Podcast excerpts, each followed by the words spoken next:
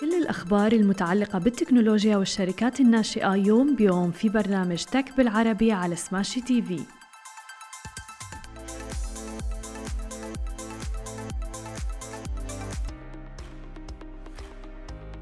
صباح الخير. عناوين اليوم تيكوم تعلن عن النطاق السعري لسهم الطرح وبنوك عربية ترفع أسعار الفائدة والذهب والأسهم في ارتفاع بعد هذا الخبر. يا أهلا وسهلا فيكم ببرنامجكم تك بالعربي معكم أنا هالة بسام ومعنا بخلف الكواليس علي. خلونا نبدأ بأخبارنا لليوم ونحكي عن أول خبر معنا لليوم وتحديدا عن شركة تيكوم اللي أعلنت الآن عن سعر الطرح للأسهم الخاصة فيها. أعلنت مجموعة تيكوم التابعة لدبي القابضة واللي بتمتلك وبتدير آه، وبتشغل عشرة مجمعات آه، متخصصة عم بتركز الآن على قطاعات التجزئة آه، في دولة الإمارات العربية المتحدة. مثل ما ذكرنا عم بتشغل عشرة مجمعات أعمال متخصصة عم بتركز على قطاعات حيوية وبتعد مساهما أساسيا في تنمية القطاعات القائمة على المعرفة في دبي. أعلنت اليوم تيكوم عن النطاق السعري لسهم الطرح وبدء فترة الاكتتاب العام. العام الأولي في سوق دبي المالي. تم تحديد النطاق السعر لسهم الاكتتاب العالمي بين 2.46 درهم و 2.67 درهم للسهم الواحد. ورح تتم إتاحة 625 مليون سهم للاكتتاب العام بتمثل ما نسبته 12.5% من إجمالي الأسهم المصدرة في رأس مال المجموعة مع احتفاظ دبي القابضة لإدارة الأصول. طبعا بحق زيادة حجم الطرح العالمي في أي وقت قبل نهاية فترة الاكتتاب وفقا لقوانين دولة الإمارات العربية المتحدة وبموجب حصولها على الموافقة من هيئة الأوراق المالية والسلع أيضا. ومن المتوقع أن تتراوح قيمة إجمالي الطرح العالمي بين 1.5 مليار درهم أي ما يقارب 419 مليون دولار إلى 1.7 مليار درهم ما يقارب 454 مليون دولار. مما يعني أن القيمة السوقية للمجموعة عند الإدراج رح تتراوح ما بين 12.3 3 مليار درهم تقريبا 3.4 مليار دولار و 13.4 مليار درهم تقريبا ما يعادل 3.6 مليار دولار.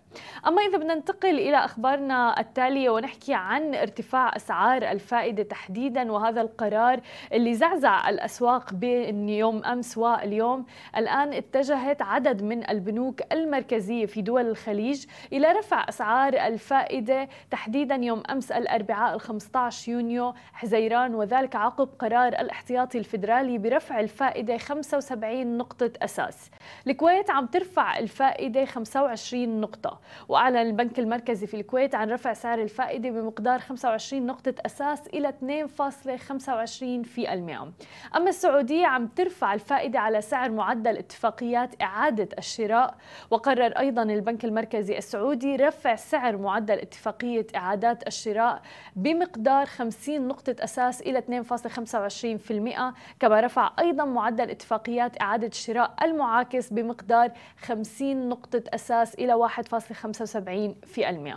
أما عن البحرين فعم ترفع الفائدة لودائع الليلة الواحدة 75 نقطة أساس ومثل ما عم نشوف معنا بحسب البنك المركزي في البحرين فعم بيتم رفع سعر الفائدة لودائع الليلة الواحدة 75 نقطة أساس إلى 2.25% أما السعر سعر الفائدة للودائع لمدة أسبوع فتم رفعها بمقدار 75 نقطة أساس إلى 2.50 في المئة. ورفع البنك المركزي سعر الفائدة للودائع لفترة أربعة أسابيع بمقدار 75 نقطة أساس إلى 3.25 في المئة. وسعر الخصم 75 نقطة أساس إلى 3.75 في المئة. أما عن قطر فعم ترفع سعر الفائدة للإيداع ل 75 نقطة.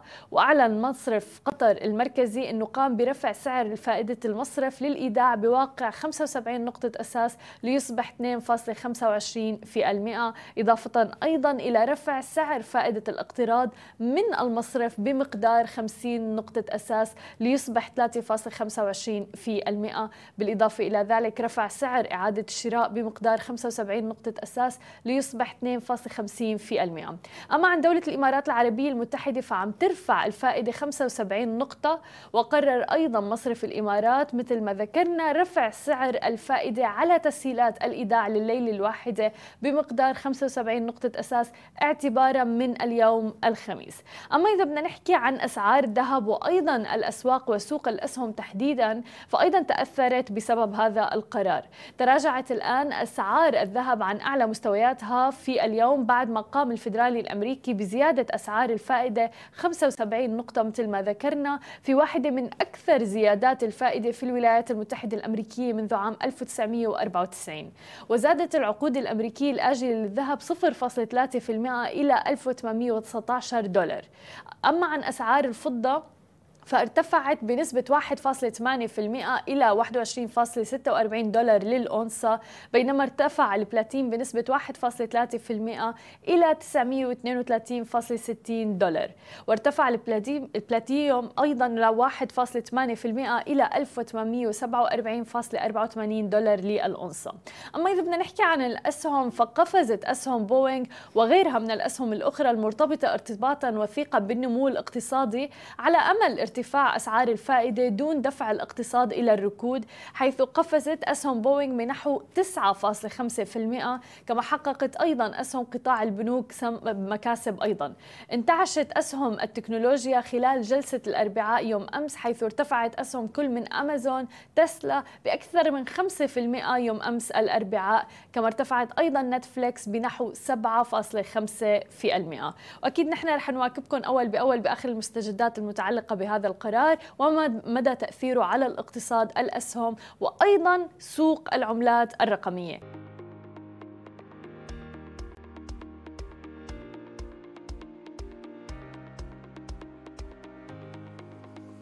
مثل ما وعدناكم أخبار جديدة ومقابلات مع رواد أعمال يوميا في برنامج تك بالعربي على سماشي تي في. حملوا التطبيق الآن.